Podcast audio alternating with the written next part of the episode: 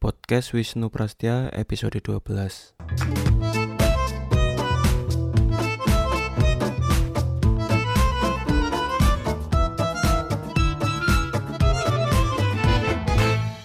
Halo, ketemu lagi di podcast yang membahas isu media dan jurnalisme.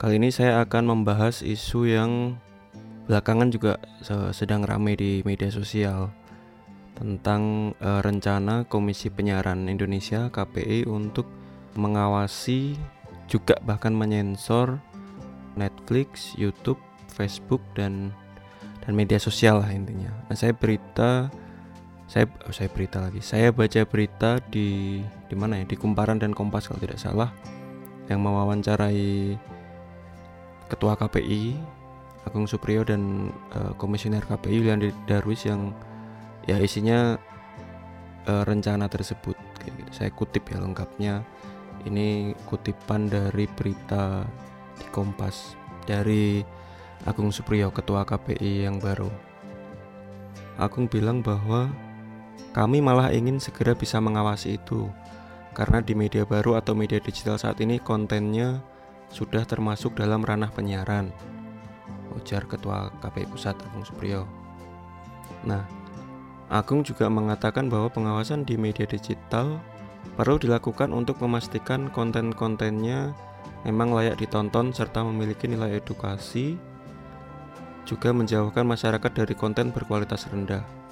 KPI sendiri sedang berupaya mengupayakan agar aturan pengawasan media digital ini bisa dimasukkan ke dalam revisi Undang-Undang Penyiaran. Dan diharapkan DPR bisa segera merevisinya, bahkan juga akan merevisi Pedoman Perilaku Penyiaran Standar Program Siaran P3SPS. Nah, ini saya kutip juga. Jadi ini peraturan yang akan diubah KPI. Semangatnya begitu sih. Jadi semangatnya bareng-bareng lah kalau di Indonesia itu butuh konten yang edukatif, positif, ini bukan membatasi atau melarang ya, tapi ini semangat edukasi positif sehingga konten-konten positif bermunculan. Ujar Juliandre. Juliandre juga bilang bahwa nanti akan ada aturan seperti pemberhentian sementara di ban, ditegur dulu, kemudian diberikan ban. Habis itu kalau kan kalau pidana itu macam, ada yang denda dan segala macam. Jadi kami tidak akan membatasi melarang-larang konten tidak, itu akan lebih kepada panduan sehingga konten-konten itu terarah dengan baik, tegas Yulianti. Nah, itu rencana yang yang kontroversial dan ramai di media sosial. Nah, sekarang kita coba preteli satu-satu ya beberapa problem yang muncul dari rencana KPI yang berencana untuk mengatur konten di media digital ya dari Netflix, YouTube juga Facebook kayak gitu.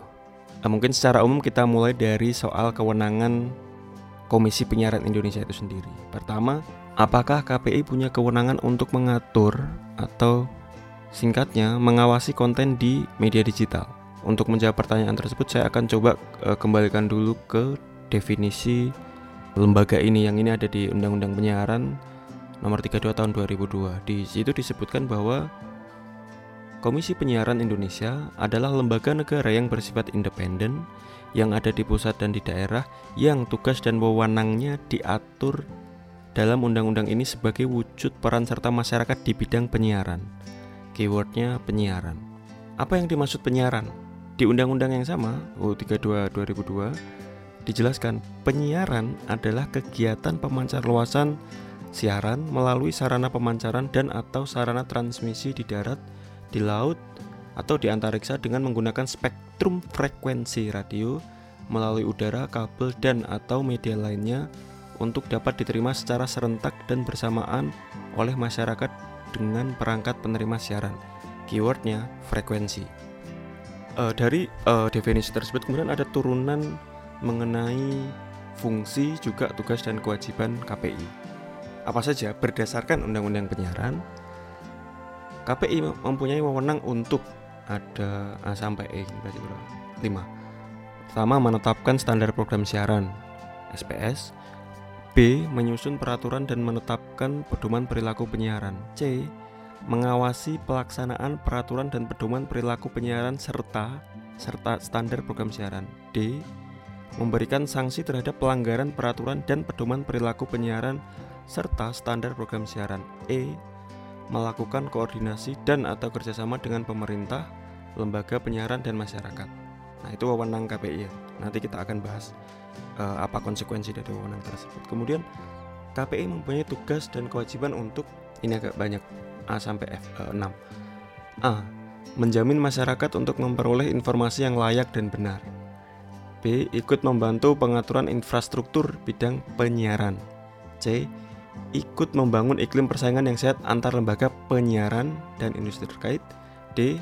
Memelihara tatanan informasi nasional yang adil, merata, dan seimbang. E. Menampung, meneliti, dan menindaklanjuti aduan, sanggahan, serta kritik dan apresiasi masyarakat terhadap penyelenggaraan penyiaran. F. Menyusun perencanaan pengembangan sumber daya manusia yang menjamin profesionalitas di bidang penyiaran. Nah, berbagai keyword dari definisi sampai uh, wewenang uh, tugas dan kewajiban KPI tadi ya menyebutkan beberapa keywordnya soal penyiaran soal frekuensi artinya apa kalau uh, eh, KPI ingin mengawasi bahkan sampai lebih jauh menyensor media digital uh, termasuk di media sosial baik itu seperti Netflix, YouTube, uh, Facebook dan seterusnya artinya yang paling utama adalah dia harus memperluas kewenangannya terlebih dulu. Tidak hanya memperluas kewenangan, yang lebih penting dari memperluas kewenangan adalah memperluas definisi penyiaran sebagaimana yang muncul di UU 32 tahun 2002 tentang penyiaran tadi. Karena kita ketika berbicara penyiaran, titik tekuan titik tekannya di frekuensi.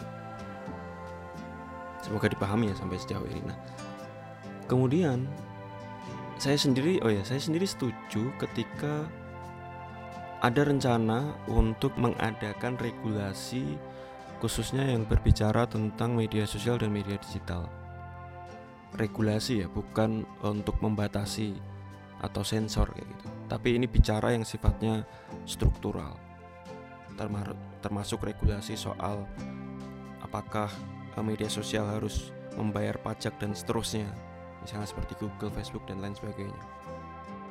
Itu kan hal yang sifatnya uh, struktural bahwa ada rencana untuk membatasi konten ya buat saya itu bagian kecil dari upaya struktural tadi dan memang kita belum punya uh, regulasi yang spesifik yang yang mengatur soal media digital kayak gitu. Ya yang ada paling sebatas pasal-pasal uh, pasal drakonian di UU ITE itu ya. Nah, kalaupun kita mau mendorong soal pengawasan dan juga regulasi di media digital, uh, mestinya kita mendiskus mendiskusikan lebih dulu dari apa yang disebut kalau di parlemen itu kan ada yang disebut sebagai harmonisasi ya, mengenai berbagai regulasi yang ada. Nah, pertanyaannya, apakah ini mungkin? Nah, ini lapis persoalan yang yang lain. Sebagai informasi, Undang-Undang Penyiaran sendiri UU 32 tahun 2002 itu sudah berencana direvisi sejak tahun 2009 10 tahun yang lalu dia sudah melewati dua periode parlemen dia sudah melewati dua periode parlemen dan selalu gagal. Alias tidak ada yang berhasil selama 10 tahun ini untuk rencana untuk merevisi undang-undang penyiaran. Dalam rencana revisi itu dalam berbagai rencana revisi itu selama 10 tahun itu dia tidak hanya berbicara hal yang sifatnya parsial seperti pembatasan atau sensor konten karena memang tidak ada hal yang detail di sana, tetapi dia berbicara hal yang sifatnya lebih strategis termasuk misalnya membicarakan soal televisi digital, perpindahan atau migrasi analog ke digital. Dan juga yang lebih penting yang lebih mendasar salah satunya adalah mengenai pembatasan kepemilikan media. Kayak gitu. Artinya ketika kita ingin berbicara mengenai rencana pembatasan atau pengawasan media sosial, jangan sampai syahwat untuk mengatur media sosial itu kemudian menabrak semua regulasi yang ada atau bahkan yang belum ada yang masih harus diperbaiki dan mengabaikan analisis atas problem struktural di dunia penyiaran juga di media digital.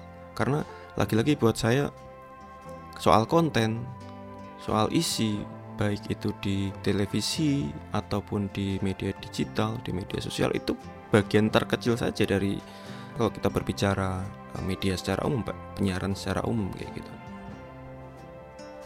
Ketika syahwat itu lebih ditonjolkan dan kemudian mengabaikan analisis struktural, ya pada akhirnya kita akan terjebak ke hal-hal yang sifatnya sangat dangkal, tidak substantif. Soal rencana sensor tadi. Sangat kecil sekali itu dampaknya dibanding ketika kita bicara hal-hal yang struktural kayak gitu. Nah, kemudian setelah analisis soal kewenangan KPI tadi, saya ingin masuk ke hal kedua soal misalnya statement dari uh, Darwis komisioner KPI yang uh, yang yang bicara soal saya saya kutip kami tidak akan membatasi melarang konten tidak. Itu kan lebih kepada panduan sehingga konten-konten itu terarah dengan baik tegasnya. Nah ini kan pernyataan yang sifatnya uh, apa ya kalau hubungan orang itu pasif agresif kayak gitu. Karena ini ini berbahaya. Pernyataan yang pasif agresif seperti ini yang saya tidak tahu dipahami atau tidak dipahami itu justru yang menumbuhkan kultur self censorship di media. Ya pernyataan semacam ini yang yang menumbuhkan kultur uh, self censorship yang buat saya itu destruktif. Makanya kita melihat bagaimana si suka di blur, Sandi di tupai di SpongeBob di blur, atlet di kolam renang di blur dan seterusnya. Nah, ketika ada blur tersebut, rame-rame blur tersebut beberapa waktu yang lalu, KPI sendiri selalu berusaha lepas tangan dengan melihat bahwa blur atau sensor kepada tayangan tersebut tidak dilakukan oleh KPI. Betul, secara teknis, technically, pernyataan itu benar. Meskipun tidak sepenuhnya tepat, KPI memang bukan lembaga sensor dan tidak memiliki kewenangan melakukan sensor. Ia hanya bisa menindak sebuah tayangan yang sudah tayang di televisi. Sensor itu kan hanya dilakukan oleh stasiun televisi dan e, lembaga terkait, misalnya LSF, lembaga sensor film. Nah, problemnya sensor internal yang dilakukan oleh TV, stasiun televisi, itu didasarkan pada apa yang disebut sebagai pedoman perilaku penyiaran dan standar program siaran P3SPS yang kira-kira menyebutkan bahwa stasiun televisi wajib melakukan sensor internal dengan beberapa pedoman sesuai eh, P3SPS. Ini artinya meskipun memutar rambu-rambu penyensoran seperti blur itu tetap berasal dari aturan KPI. Nah, celakanya kan begini. Stasiun televisi menerjemahkan rambu-rambu tersebut asal-asalan karena takut mendapatkan teguran atau sanksi jika tidak melakukan sensor. Misalnya, beberapa aturan di P3SPS yang tidak dijelaskan lebih detail itu memperburuk proses tersebut. Misalnya dalam dalam SPS ya, standar program siaran pasal 13. Di situ disebutkan bahwa stasiun televisi dilarang uh, saya kutip mengeksploitasi dan atau menampilkan bagian-bagian tubuh tertentu seperti paha, bokong, payudara serta uh, secara close up dan atau medium. Nah, jika diterjemahkan secara bebas, tentu atau literal kayak gitu, setiap tayangan yang memperlihatkan payudara itu akan kena blur. Padahal jika mau diperhatikan lebih jauh ya, tidak semua tayangan yang memperlihatkan payudara itu sama artinya dengan pornografi. Dan ini problematis. Uh, Remote TV dulu pernah bikin riset bahwa KPI ini juga kadang ketika memberikan sanksi tidak tidak kontekstual kayak gitu. Misalnya sebagai contoh belahan dada yang terlihat namun bukan dalam konteks pornografi dia menjadi objek blur, tapi banyak pelecehan yang sifatnya verbal uh, melalui kata-kata kayak itu tidak mendapatkan sanksi dan seterusnya. Sensor yang tidak konteks kontekstual ini yang akhirnya membawa kita mendapati blur yang serampangan seperti yang tadi saya contohkan dan teman-teman bisa googling. Misalnya kita melihat kebaya putri Indonesia di blur baju renang Sisuka tadi saya sebut di blur dan seterusnya. Bahkan ada ada ada gambar sapi gitu yang sedang diperah susunya di blur. Ini kan absurd kayak tentu ini menunjukkan mekanisme sensor internal yang melalui pengaburan gambar atau blur itu tidak tepat tidak relevan dan sama sekali tidak kontekstual ia justru membuat uh, berbagai berbagai prasangka yang muncul karena blur yang serampangan ini kan reduksi besar-besaran terhadap realitas sosial yang yang kompleks kayak gitu. Dan karena proses sensor atau blur juga fokus kepada hal yang sifatnya permukaan ya tadi seperti saya bilang hal yang sifatnya pelecehan terhadap kelompok tertentu termasuk juga perempuan dalam bentuk omongan maupun guyonan ya sering kali lepas begitu saja kayak gitu. Nah yang ketiga saya ingin bilang mengenai problem yang yang sering kali muncul uh, di KPI itu sendiri. Sejauh ini yang saya perhatikan, KPI itu lebih tertarik untuk menyikapi isu-isu pinggiran dibanding dengan problem-problem penyiaran yang lebih mendesak untuk dituntaskan dalam konteks sebelum masuk ke soal Netflix tadi ya.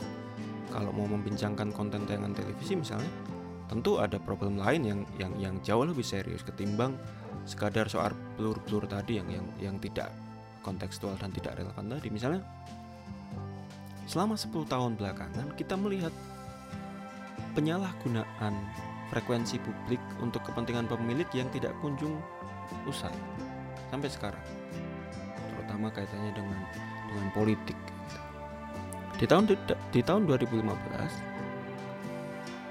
Remote TV mencatat ada setidaknya 102 aduan masyarakat terhadap iklan partai politik. Saat itu kita tidak mendengar suara KPI di sana sebagai suara publik. Berbeda dengan ketika dia mengeluarkan aturan yang uh, diskriminatif ya, yang melarang uh, merespon isu LGBT kayak gitu. Padahal soal politik tadi iklan politik itu menjadi uh, aduan atau protes terbesar dari publik. Nah itu kan problematis. Dia pe selalu pengen masuk ke isu-isu yang di publik itu ramai, di publik itu diperbincangkan, dan apalagi sekarang Netflix, YouTube, Facebook di mana orang sekarang juga mulai berpindah dari stasiun televisi untuk mengakses media uh, digital kayak gitu. Nah ini pertanyaan kan kenapa? Kenapa tidak isu struktural itu dituntaskan kayak gitu? Kenapa KPI tidak fokus kepada isu, isu struktural terlebih dulu, tetapi jauh lebih eh, fokus kepada isu yang sifatnya ini tidak atau setidaknya belum lah, belum menjadi persoalan di publik, tidak menimbulkan keresahan di publik kayak gitu. Ini kayak ini nggak ada masalah tapi ingin mencari masalah kayak gitu nah, nah tapi sebenarnya begini selain dari catatan saya tersebut sebenarnya kalau kita berbicara secara objektif sendiri dalam konteks komisi penyiaran KPI memang e, secara objektif dia punya keterbatasan sebagai regulator penyiaran dia punya keterbatasan wewenang misalnya KPI ini hanya bisa menjatuhkan sanksi administratif terhadap stasiun televisi atau juga radio yang yang dia tidak punya efek jerah dan eh, kemudian bisa terus diulang. KPI juga tidak punya kewenangan dalam dalam uh, izin siaran yang yang ada di Kementerian Kominfo.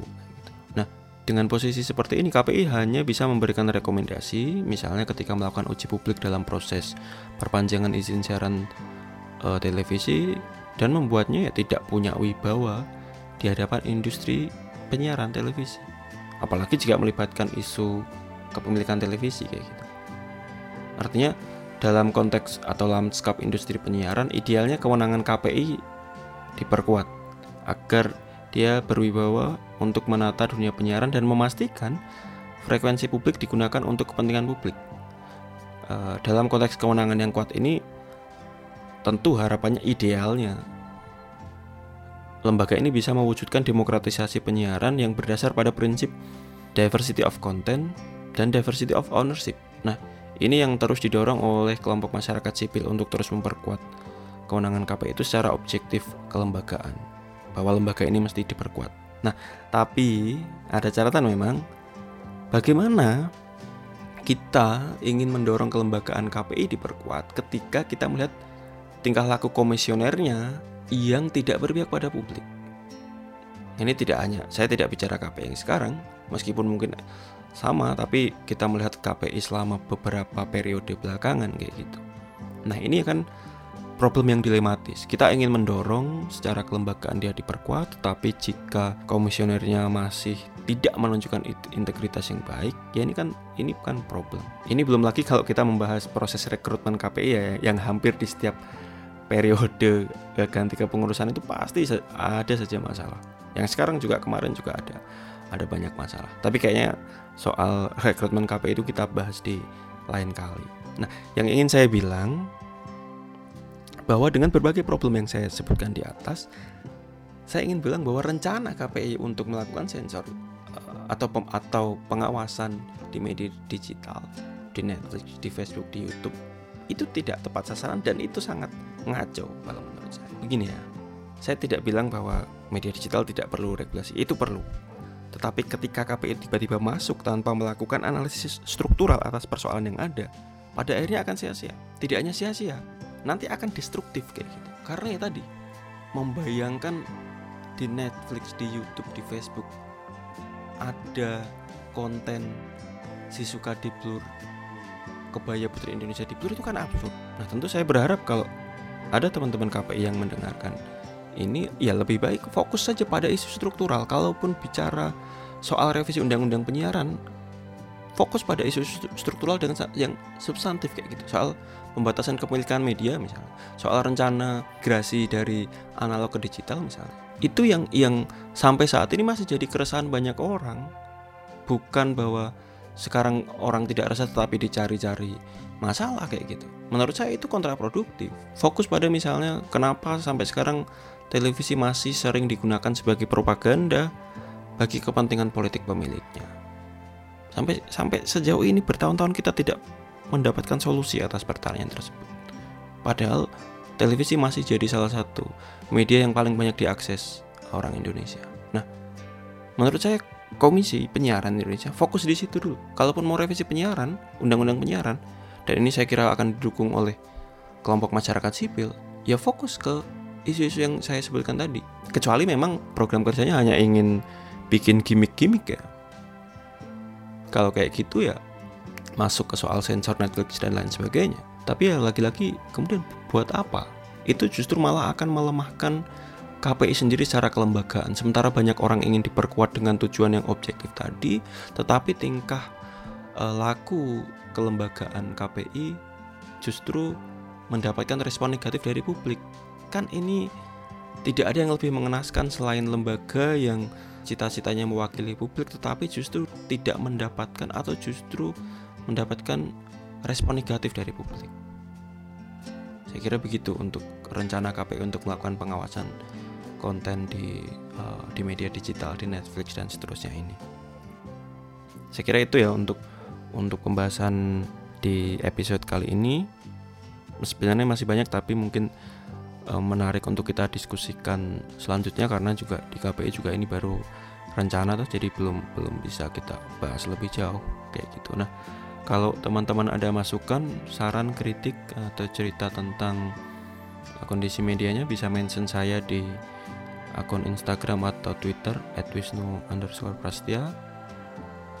Saya pamit undur diri dulu. Kita ketemu lagi di episode episode selanjutnya. Ciao. Bye.